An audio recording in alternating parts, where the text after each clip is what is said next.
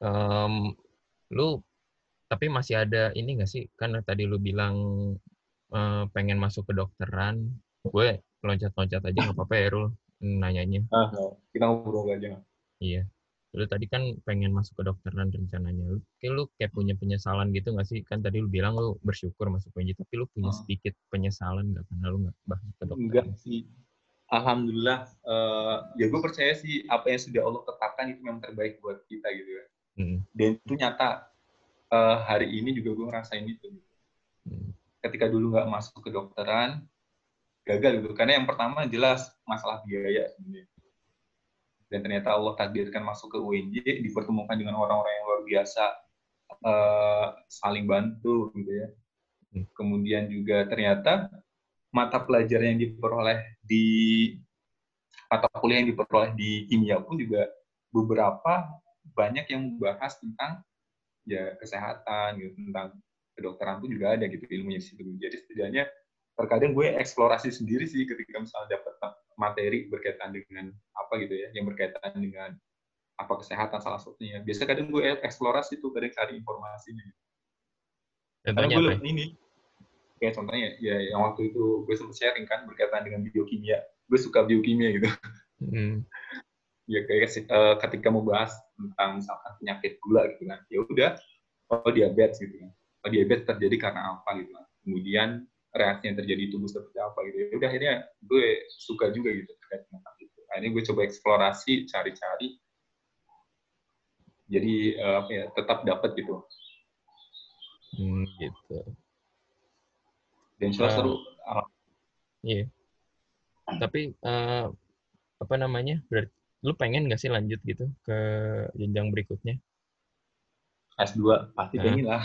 Oh, maksud gue lanjutnya ke jenjang apa kira-kira? Ke kimia logika atau ke kedokteran? Lebih kira -kira? ke kalau misalnya memungkinkan ambil ke biokimia atau kalau enggak ke ke pendidikan sih ilmu kependidikannya. Saya ilmu pendidikan. Hmm. Gitu. Seru juga sih lu perjalanan lu. Yang gue penasaran sih kayak apa? Kalau bisa gitu buat uh, melejit dari yang lain gitu oh. sama di sama di kampus ya selama di kampus. Udah gini sih Rus, ada juga ini gue pertama kalinya ya membuka omongan di publik gitu. Jadi kalau misalnya orang yang, yang nonton nol kok. yeah. Orang kalau misalnya lihat kondisi seperti sekarang gitu kan, mungkin jarang ada yang tahu gitu. Gue dulu pernah ngalamin yang namanya jualan combro, tahu? Hmm. Kecil gue jualan combro keliling terus. Waktu di Malang? Waktu itu, itu waktu sebelum gue SD ya. Hmm. Sebelum sekolah tuh bantu ibu sama kakak gitu, keliling jualan combro. Gitu. Pernah ngalamin itu. Hmm. Terus, uh, terus juga ketika sekolah SD gitu, ya udah biasa kalau habis uh, habis subuh gitu kan, bisa karena ibu ini kan ngerapin jualan gitu kan. Nah gue berangkat sekolah SD itu bawa nampan isinya kue basah. jadi ketika ngelihat teman-teman lu berangkat sekolah lari-lari gitu kan main-main ya udah gue berangkat sekolah dengan membawa nampan isi kue basah. Gue taruh di toko-toko gitu. Pulangnya gue ambil lagi gitu. Itu pas lu SD waktu SD itu. Hmm. ya makanya salah satunya kenapa akhirnya gue terkadang sekarang suka jualan kan? Iya. ya, alhamdulillah dapat dapat bekal juga ketika kecil gitu bahkan dulu sempat tapi uh, ada suatu saat ketika pertama kali ya kelas kelas sudah kelas 6 sih. Waktu kecil sih ya udah suka-suka aja gitu ngikut ibu kakak apa keliling jualan. Pas ketika kelas 6 uh, eh, pas ya setelah vakum lama gitu kan kelas 6 mulai ibu jualan lagi sempat diminta bawa apa bawa jualan gitu kan sekolah. Dan entah kenapa uh, mulai rasa ya ada rasa sedikit malu sebenarnya gitu kan ke teman-teman gitu. Sambilnya gue bilang kan e, bu kalau misalkan eh, gak bawa gimana ibu ibu bisa nganter sekolah aja langsung. Gue bilang kayak gitu tuh. Nah sampai akhirnya uh, ada ibu gue bilang ini emang kenapa malu gitu? Orang disuruh bantu ibu kecuali ibu nyuruh kamu nyolong baru malu gitu. sebenarnya kalimatnya itu uh, biasa gitu. Cuman karena memang sosok, sosok ibu gitu yang ngomong gitu kan itu udah langsung nusuk banget ke hati yo. Gue diem aja. Gue jalan tuh sambil nangis bawa nampan ini isi kue-kue.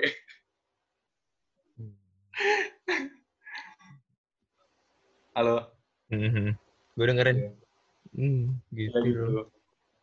Bahkan seorang lo aja sampai pengen ngom pernah ngomong kayak gitu ya. Iya. Maksudnya waktu awal-awal sih. Tapi secara halus dia menyampaikannya ya iya karena ya gue paling gak berani ngomong keras sama orang tua gitu. Iya gue paham gue paham. Nggak maksud gue lu punya kayak uh, perasaan malu sama temen gitu karena jualan gitu ya. Enggak sih? Ya, justru pada saat itu pemalu banget terus gue tuh dulu ya Allah diem banget gitu pemalu banget. Jarang jarang bersosialisasi sebenarnya. Kayak nggak ada keberanian untuk berbicara di depan umum gitu bahkan untuk sekedar lewat di depan orang pun gue lebih memilih untuk ya udah menghindar dari keramaian mencari alternatif jalan lain gitu. Karena saking apa ya malu minder gitu. Terus juga emang diem banget gue itu lebih memilih untuk sendiri daripada untuk apa ya rame-rame gitu. Dari dulu ya. Bahkan apalagi ketika waktu SMP tuh waktu SMP kelihatan banget uh, gimana sosok diem dan ya, pemalunya gue ketika SMP diem lu bener-bener nggak ada temen terus satu gitu tuh satu pun. Ada sebenarnya ya teman hmm. satu dua ada lah gitu cuman lebih kenyamanan sih lebih nyaman untuk sendiri gitu. Jadi kadang ke mana-mana ya udah gitu, sendiri ya. hmm. ada kalau temen ada. Terus lu lagi terus lu bisa survive gitu dengan kenyamanan lu sendiri. Maksudnya uh, ini gue mulai tersadar ketika ini jadi SMP ya. Selama SMP tuh ngeliat banget gitu. Diemnya gue gitu kan malunya gue gitu kan. Bahkan kayak untuk kayak misal sekolah kelas gue tuh deket kantor. Kalau gue mau ke kantor itu ngeliat di deket apa jalan yang arah kantor itu ada orang, gue lebih memilih lewat belakang kelas terus puter. Iya. Saking emang, kenapa? Takut aja entah nggak ada keberanian. Tadi gue bilang nggak ada keberanian untuk karena ya, takut diliatin doang gitu. Ya takut diliatin lah, nggak nyaman gitu. Hmm. Terus? Gue memilih untuk tadi muter lewat belakang kelas. Gitu. Nah, uh, itu selama tiga tahun tuh kurang lebih uh, kondisi kayak gitu. Nah tapi uh, uniknya adalah ketika dulu SMP, di balik diemnya gue ya, di balik pemalunya gue, ada kan dulu masih zaman zaman ini ya, ada suka kakak kelas malakin gitu. Oh iya. Tapi gue orang yang ketika dipalakin tuh gak pernah mau ngasih. Lu fight back gitu? Kenapa? Lu fight back, nggak lawan balik? Enggak sih, cuman dalam artinya jadi fans, nggak secara fisik gitu. Hmm. Kirain lu diem-diem fight back gitu kalau diusik. Gue kira lu, gue kira lu orangnya kayak gitu yang lu diem aja, tapi kalau diusik lu keras gitu. Terus lu terkenal di depan temen-temen. Uh, terus lu pemalu lagi. Enggak lah. ya pernah ketampol sama temen juga pernah gitu kan. Tapi ya udah. Tapi balas ya, enggak. Enggak dibalas. Hmm. Enggak lah. Kali lu balas gitu saking gak nyamannya wah terus lu ngomong kotor wah dan sampainya tadi uh, karena sendiri sendiri gitu kan. Hmm. sampainya puncaknya itu ketika mau masuk ke SMA ya gue pernah cerita juga kan dulu uh, ketika SMP itu ya tiba-tiba nilai gue anjlok luar biasa ketika UN karena pas UN sakit cacat tuh kan. Cacat. Sakit Iya, jadi uh, selama tryout gitu, selama sekolah alhamdulillah dapat peringkat terus gitu. Ketika UN, ya udah karena sakit juga gitu. Udah nggak fokus tuh ngerjain selama pelaksanaan ujian. Akhirnya ternyata nilainya wah kacau gitu kan, blok gitu. Hmm. Ya udah akhirnya uh, teman-teman gue udah pada uh, masuk ke sekolah negeri yang di kecamatan itu. Dan ternyata pas gue ngeliat di hari terakhir pendaftaran nama gue tuh ada di 10 terbawah. 10 terbawah gitu. Karena gue nggak masuk 10 besar sama sekali di SMP dulu karena jauh uh, kecil banget nilainya gitu. Hmm. Sampainya ya udah gue coba cari aman. Akhirnya gue ambil lah uh, pendaftaran gue gue ambil kan. Gak ada temen tuh kan, gak ada teman gitu kan. Gue bingung mau daftar ke mana juga karena gue sendiri tuh. Gitu.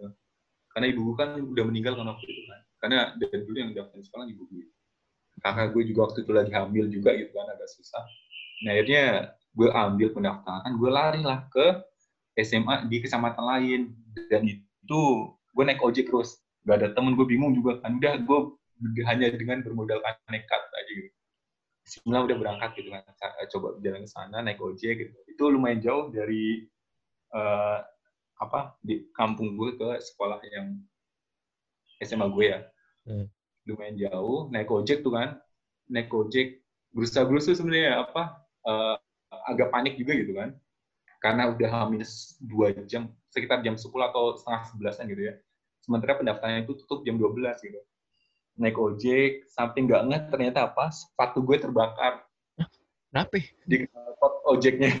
Lo lo serius kok bisa? Kok bisa?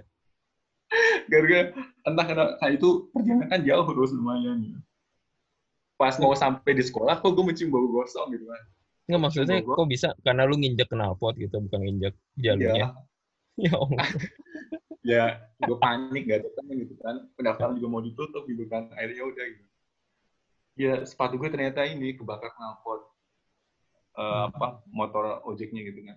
Udah itu mana lebar banget dan itu baunya bau karet kan sepatu cat itu kan nyengat banget ya iya gitu kan sampai gue masuk ke apa tempat pendaftaran di SMA itu SMA satu mobil gitu kan itu bau kebakar tuh masih kecium banget terus gitu.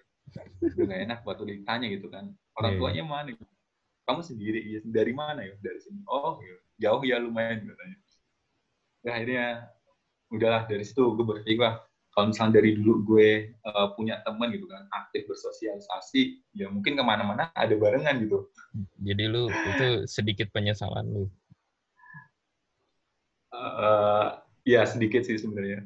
Kenapa uh, tidak mencoba untuk apa ya memecahkan masalah gue gitu, malah justru lebih sering untuk lari dari masalah kan. Takut keramaian, takut berinteraksi, bukannya mencoba untuk berinteraksi, malah memilih kabur gitu, cari aman menyendiri gitu. Ya ini ya udah ujungnya begitu ya.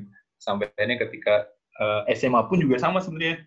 SMA masih uh, begitu cukup gitu ya untuk maju di depan takut ya.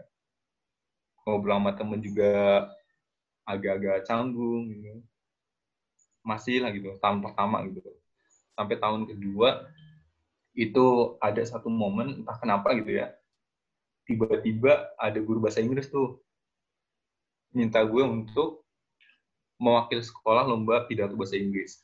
Kebayang kan lo, seorang Sahrul yang pemalunya luar biasa, grogian, ngomong itu takut, tiba-tiba diminta untuk lomba pidato.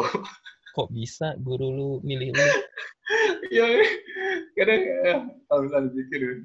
Karena lu bisa bahasa Inggris pada saat, maksudnya di antara teman-teman lu yang lain, karena lu paling bisa gitu menurut gurunya. Nggak tahu juga sih sebenarnya entah gimana ceritanya gitu. Ya, sampai akhirnya gue mencoba untuk menolak kan. Hmm. Gue mencoba menolak gitu kan. Uh, tapi terus uh, apa si gurunya itu selalu meyakinkan namanya Bu Mimin sampai sekarang alhamdulillah dia masih komunikasi juga gitu. Terus meyakinkan gitu. Sampai akhirnya apa uh, banyak hal-hal yang sebenarnya waktu itu nggak masuk akal di gue gitu ketika jadi murid itu. Gitu. karena saking takutnya gitu kan me, apa ngomong di depan umum. Sampai jam pulang sekolah itu gue dikasih treatment untuk berdiri di, te di tengah lapangan udah Gara-gara? yang lain baru pulang. Jadi gue diminta untuk berdiri di tengah lapangan terus. Dalam hati gue ini guru apaan sih gitu kan. Gak berfaedah banget gue mikirin dulu, dulu asli. Gue sempat berpikiran kayak gitu. Gara-gara apa? Malu lah diliatin dari atas gitu anak-anak apa teman-teman pada turun gitu. Iya. Iya. Sampai ini hari berikutnya juga masih sama. Yaudah silakan uh, kamu di tengah lapangan bebas gitu. Kalau yang hari pertama cuma diem udah diem suruh ngeliatin doang teman-temannya pada turun gitu. Hari kedua diminta lah untuk teriak-teriak vokal gitu kan. Makin malu lah sebenarnya itu gitu. Iya. Sampai ini ada juga sampai uh, gue diminta untuk ngobrol sama salah satu ini ya murid juga ya dia tuh banyak banget ngomong. Ya gue yang gak doyan ngomong gitu kan tiba-tiba dihadapkan dengan salah satu murid yang dia banyak banget ngomong gitu kan ya udah gitu timpang gitu ya. Uh, ya ya. Ya sampai ini ya, yang lebih bikin shock lagi adalah ketika tiba-tiba gue diminta untuk berbicara di depan guru sekolahan bicara apa tiba-tiba gue dipanggil. Hah? bicara apa tuh? Maksudnya pidato apa atau sambutan? Ya kayak konsep apa yang bakal kamu bawa ketika uh, diminta untuk pidato berkaitan dengan tema itu gitu. Udahlah makin jadi badan gue tuh gemeter semua ya. Mulai keringat dingin tuh. Di depan guru langsung tiba-tiba dadakan itu gitu. udah sampai baju gue juga basah gitu. Saking luar biasa gitu. Nervousnya gitu. Sampai akhirnya uh, ternyata gue baru sadar sih setelah uh, lomba itu selesai gitu ya. Dan gue baru sadar ternyata wah benar gitu. Ternyata guru gitu ya ngelakuin itu semua bukan hal-hal yang uh, asal-asalan gitu. Ya terkadang walaupun mungkin sesuatu hal yang kita apa peroleh mungkin agak sulit untuk di logika gitu. Tapi ternyata guru jauh lebih tahu gitu. Guru melihat kita punya potensi makanya guru mencoba untuk apa yang terbaik untuk mengembangkan potensi yang muridnya punya gitu. Cuman terkadang murid itu terkadang ini ya suka apa ya suzon gitu kan. Merasa pilih kasih lah gitu merasa katanya guru ribet gitu terlalu banyak membebani dan lain-lain ternyata itu semua apa ya terpatah eh, terbantahkan gitu. Ketika gue akhirnya tahu wah nggak tahu gimana jadi ya nggak tahu gimana jadinya ketika waktu itu gue memilih untuk menolak dan gue kabur. Yang mungkin nggak mungkin uh, gue ngalamin ya salah satunya fase di mana ketika SMA gue mulai bisa berbicara di depan umum, mulai bisa berinteraksi dan lain-lain. Hmm. Karena ternyata salah satu dari proses itu gitu, dapat pengalaman, ya kayak ibarat kata di tempat habis-habisan gitu, di tempat dibuat malu, tapi ternyata setelah itu, oh ternyata ada hikmah luar biasa di balik perjalanan itu. Alhamdulillah. Hmm. Ketika masuk kuliah pun juga alhamdulillah banyak banget dukungan hmm. untuk apa ya banyak perubahan lah gitu. Tapi gue uh, kenal lu itu beda lu sama yang lu ceritain. Gue kayak kan lu pernah cerita juga ya sama gue tentang hmm. your piece of life gitu ya sebagian hidup lu hmm. atau sebagian kecil. Gue selalu kayak gue nggak percaya masa nih orang kayak begini sih? Ya nih. Nggak percaya gue serius tuh maksud gue kalau kalau masalah pendiam gue masih percaya karena gue juga begitu. Cuman uh. Uh, masalah yang kayak lu uh, tadi nih kayak pemalu gitu ya. Terus lu pernah uh. Uh, apa nilainya sempat jelek gitu kan pas SMP uh. nah itu gue iya. rada-rada nggak percaya karena lu lu berkibar ber merdeka di kampus. Bergelimang prestasi. Sebenarnya itu gue dulu sempat shock ketika SMP sebenarnya kebayang dong uh, ya alhamdulillah gitu ya uh, ranking terus gitu selama sekolah gitu kan. Tiba-tiba pas hasil akhir nilai gue jebloknya banget gitu. Hmm. itu sempat bikin shock sebenarnya gitu. Sampai ketika SMA entah kenapa uh, ada sedikit apa ya perubahan sih ketika akhirnya di kelas 12 sebenarnya. Perubahan apa? Perubahan berkaitan dengan apa ya tujuan sekolah sebenarnya. Entah kenapa gue dulu sempat apa ya udah ada sedikit pemikiran nggak cuma untuk ngejar sekedar nilai akhir gitu tapi gimana caranya? Gue punya ilmu gue bisa mengimplementasikan itu gitu. Itu cukup menurut gue gitu. Mulai sampai ini ketika pas masuk kuliah pun juga ya mungkin orang-orang ya sebenarnya nih jujur aja ya. Sebenarnya tidak secemerlang yang kalian lihat sebenarnya gitu. Kan mungkin ada satu dua momen yang terlihat agak unggul gitu. Akhirnya seolah-olah semua padahal enggak se iya gue banyak betul keburukan-keburukan ketidakan gue karena akademik gue juga nggak bagus-bagus sama sebenarnya selama kuliah.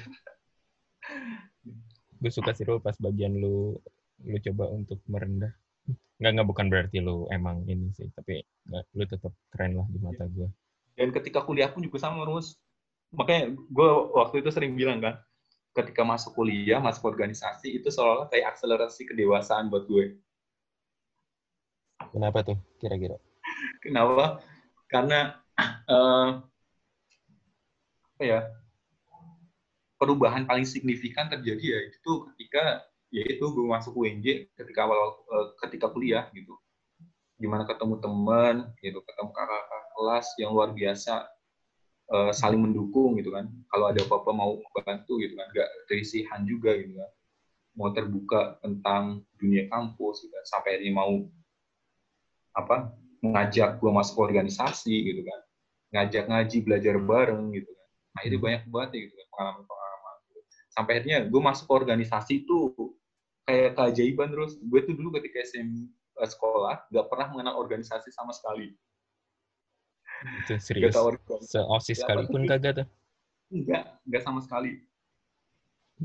Gue tuh dulu waktu sekolah cuma ikut ini eskul volley olimpiade sama olimpiade udah dua itu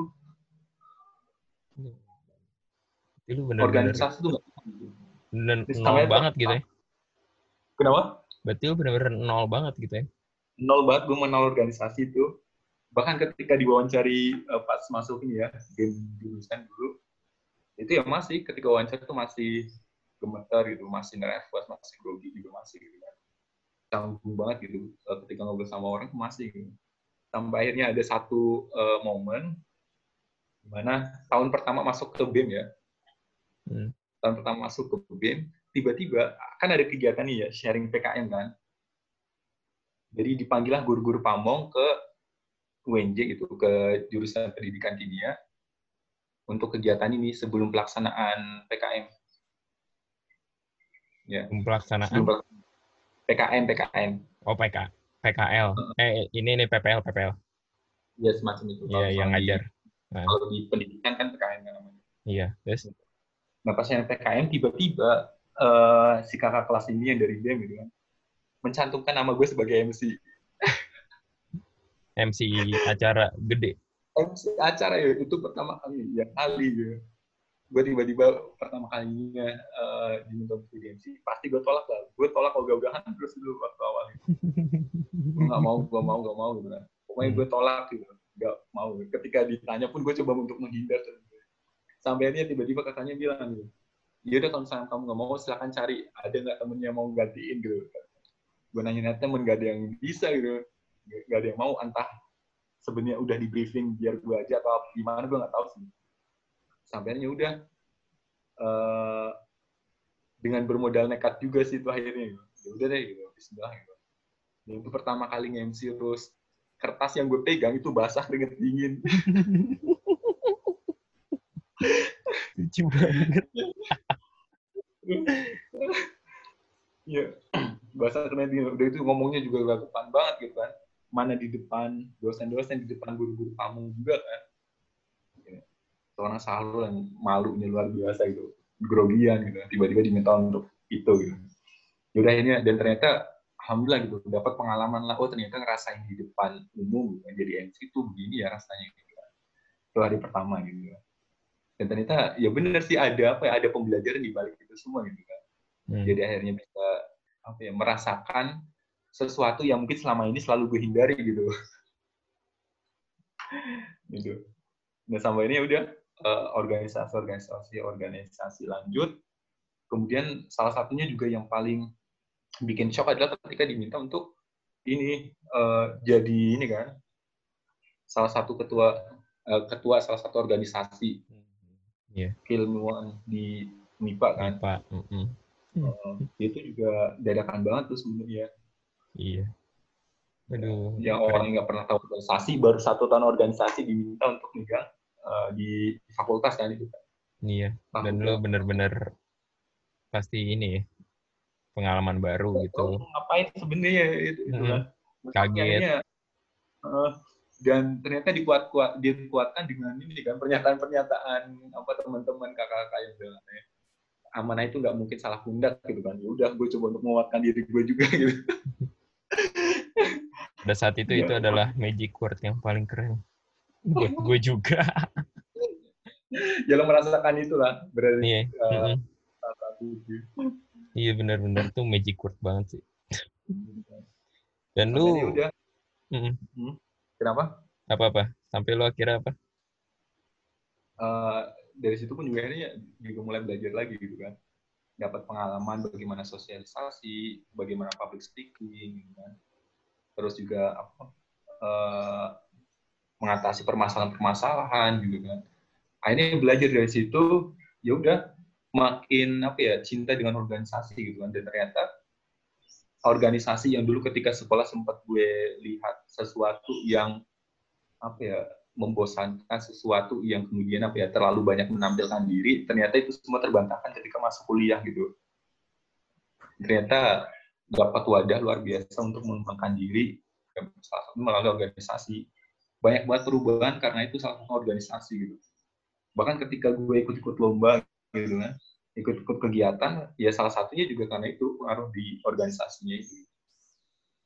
Makanya terkadang ini uh, gue paling gak setuju kan ketika ada orang-orang yang bilang apa uh, jangan terlalu fokus di organisasi nanti akademiknya nanti prestasinya malah menurun gitu. karena enggak gitu. Justru antara akademik sama prestasi itu saling berhubungan gitu hmm karena banyak banget pelajaran yang diperoleh dari organisasi salah satunya gitu. Hmm. Dan alhamdulillah banyak juga eh, teman-teman kita yang organisasi ternyata luar biasa gitu jadi mawapres gitu. Hmm. Termasuk lulus tiga tahun juga ada gitu kan. Termasuk lu lah, Ru. Mantap lah. Bukan gua. Tapi yang tergantung pilihan masing-masing, Rus. iya sih. Ah, tuh. Tapi gue gue seneng banget, Ru sama cerita-cerita lu sebenarnya. Uh, karena lu bener-bener kayak mulai dari bawah banget. From ya kayak kalau mau lihat from zero to hero yang paling yang real life-nya gue bisa lihat ke lu gitu. Dan paling real life paling dekat dengan lo itu dia. Itu itu juga itu juga real life dan dekat dengan kehidupan gue karena gue nggak bisa iya. kenal yang lain iya kan? Mm -mm. dan apalagi ya lo pernah kan nginep di rumah gue waktu itu kan? Iya pernah. Yang di apa Bangka. Hmm. ya jadi kalau misalkan terkadang juga ada yang mikir apa apalagi ini ya kadang beberapa orang yang mungkin nggak tahu secara detail gitu kan. Taruh enak ya ini ini gitu. padahal nggak tahu aja gimana keseharian gue gitu. Ya walaupun mungkin memang nggak terlihat secara langsung gitu kan tapi kayak gue sendiri yang melihat gitu ataupun mungkin beberapa beberapa orang yang pernah menyaksikannya mungkin tahu gitu. Tidur jam berapa ngelakuin apa gitu. Itu. Nih lu pernah minta dibangunin jam setengah tiga pagi padahal gue masih tidur waktu itu. Gue bangun-bangun jam berapa lu udah bangun tuh. Habis nyuci ya? Iya nggak tau lah yang pas gue pertama kali nginep. Kan Irus bangunin gue jam segini ya. Iya. yeah. Terus lu terus lu udah bangun duluan gue udah bangun. Eh, rul, gue lupa bangunin lo ya gak apa-apa gue udah bangun. Gue, gue nginep gue nginep gara-gara apa ya waktu itu ya? Gara-gara apa sih? Uh, lupa lah gue lupa. Nah, waktu Karena rumah gue jadi ya, jadi, jadi kontrakan. juga jadi tempat anak-anak. Hmm. tapi lu kan lu ngomong nggak pernah berorganisasi ya hmm. Uh, lu nggak pernah berorganisasi selama di sekolah ya? Tapi ketika lu balik ke kampung kayak lu pernah posting ini deh. Lu pernah jadi oh, juri oh, lomba uh, kok lu bisa sampai di juri lomba juri lomba? Ya nggak sih? Oh nah Senang itu. ya? jadi gini uh, gue tuh apa ya gue sih mempercayai gitu kan. Apa yang gue peroleh saat ini bukan pure karena usaha gue sendiri tapi ada dukungan ada doa-doa orang lain yang mungkin bisa mempercepat proses itu berlangsung gitu ya. Salah satunya adalah guru gitu. Jadi setiap kali gue pulang ke kampung gue pasti selalu mampir ke sekolah soan dengan guru-guru gitu kan. Yang SMA sekolah lo SMA apa ya, SMP, SMP SMA gitu. Oh, yang SD eh, yang SD cuma sekarang SD kan guru-gurunya udah nggak ada semua kan. Ada paling yang satu desa gitu. Hmm gitu. Pokoknya SMP SMA pasti rutin gue apa datangin ya udah ketemu beliau gitu kan. Kadang sekedar untuk cerita. Bahkan pun juga mereka akhirnya uh, ya ya gue sih percaya gitu. Nggak ada yang namanya mantan murid gitu kan. Ya sekalipun kita udah sukses pasti kita masih butuh gitu nasihat nasihat beliau gitu kan. Jadi setiap, setiap kali gue pulang kampung kadang gue mampir ya kita ngobrol gitu kan. Kadang guru-guru juga ngasih uh, apa ya, masukan. Kadang juga apa yang gue punya kadang gue bawa ke sana untuk coba uh, berbagi cerita dengan beliau-beliau gitu kan. Dan sampainya udah uh, diminta untuk ya bantu sharing-sharing memotivasi adik-adiknya gitu kan. Supaya apa ya bisa survive gitu. Terus juga apa bisa mengembangkan dirinya gitu. Nah akhirnya udah diminta untuk sharing di SMP di SMA gitu kan. Pun juga salah satu momen ketika uh, diminta untuk jadi juri juga pernah gitu. Itu sebenarnya asal-asalan sih gitu. juri apa tuh waktu itu? Gue gue lihat fotonya doang. Juri ini lomba storytelling. Hmm. dengan lu, kemampuan bahasa Inggris gue yang apa adanya gitu. Ya enggak enggak. Lu lu ada ada banget lah bahasa Inggris. Ada banget. Iya. Lu kalau ngomong bahasa Inggris tuh logatnya ada native-native Jawanya. Jadi native Inggris tapi ada Jawanya. Jadi lu bisa tiga bahasa ya? Lu bisa tiga bahasa. Bahasa Indonesia, bahasa Jawa, sama bahasa Inggris. Ada lagi nggak, Ru? Udah.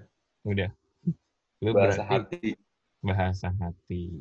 Lu berarti bisa, lu berarti trilingual ya? Enggak.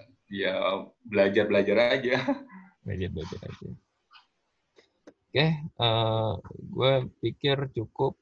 Uh, makasih banyak Rul. Kita udah habisin waktu hampir sejam. Berarti kita nggak jadi sampai azan nih Rul. Enggak lah. Terlalu lama. Oh iya, uh, selamat Hari Pendidikan Nasional. Oh iya, selamat Hari Pendidikan Nasional dan hari ini gue sedang ngobrol sama guru yang ada di Indonesia. Yo, mudah-mudahan maju terus pendidikan Indonesia gitu ya. Amin amin amin. Dan kondisi ini ya mudah-mudahan dunia segera pulih dan kita bisa beraktivitas.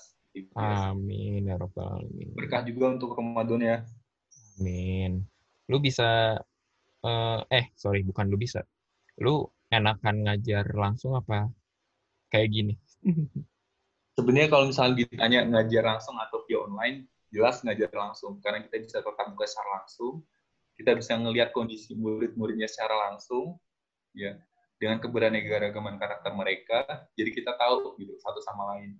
Kalau online kan dia ya udah apa yang kita lihat tidak sepenuhnya apa ya merepresentasikan apa yang terjadi dengan murid-murid kita ya. Hmm. dan ini di IG kangen banget sih asli. Iya Gue juga kangen Kenapa, lu sama lu. Ntar malam kita ketemu kan? Oh iya benar. Ntar malam ketemu di Zoom ya. lagi. Iya. Kay kayaknya jam setengah sembilanan sih, habis taraweh lah. Nih yang nonton di IG ada satu, dua, tiga, empat, lima, tapi semuanya udah live jadi nol dan semuanya nitip komen, cuman komen gitu Apa? doang sih. Jadi ada kakak kelas gue, Kak Daus. Terus ngomong ngomong sendiri. Oh iya, soalnya tadi ini audionya nggak kedengeran. Pas di oh. pas lu pas lu. Jadi kedengerannya pas gue doang ngomong. Udah udah gue setting dan udah kedengeran tadi makanya gue buka HP makanya ada suara lu lagi. Ya nggak sih? Lu tadi denger nggak? Iya. nah, terus tadi ada Icul juga. Icul nitipin apa nitip emot nih. Cih, nitip emot. Terus ada Alfi. Mantul podcast WKWK yuk terus sama Andre terakhir Wih, ada jempol. Bos, ya. Bos. Rekan lu, rekan lu. ya, gue pikir cukup. Terima kasih banyak. Makasih Rul udah uh, mengisi episode podcast gue. Lumayan dua episode. Dan Ambil buat aja yang perlu dibagikan, yang jelek-jelek yang diambil. Nah, itu Jadi adalah pesan yang baik. Ambil yang perlu dan yang nggak perlu jangan diambil. Makasih banyak dan udah nemenin gue. Buat semuanya yang dengar, uh, salam Sahrulinia.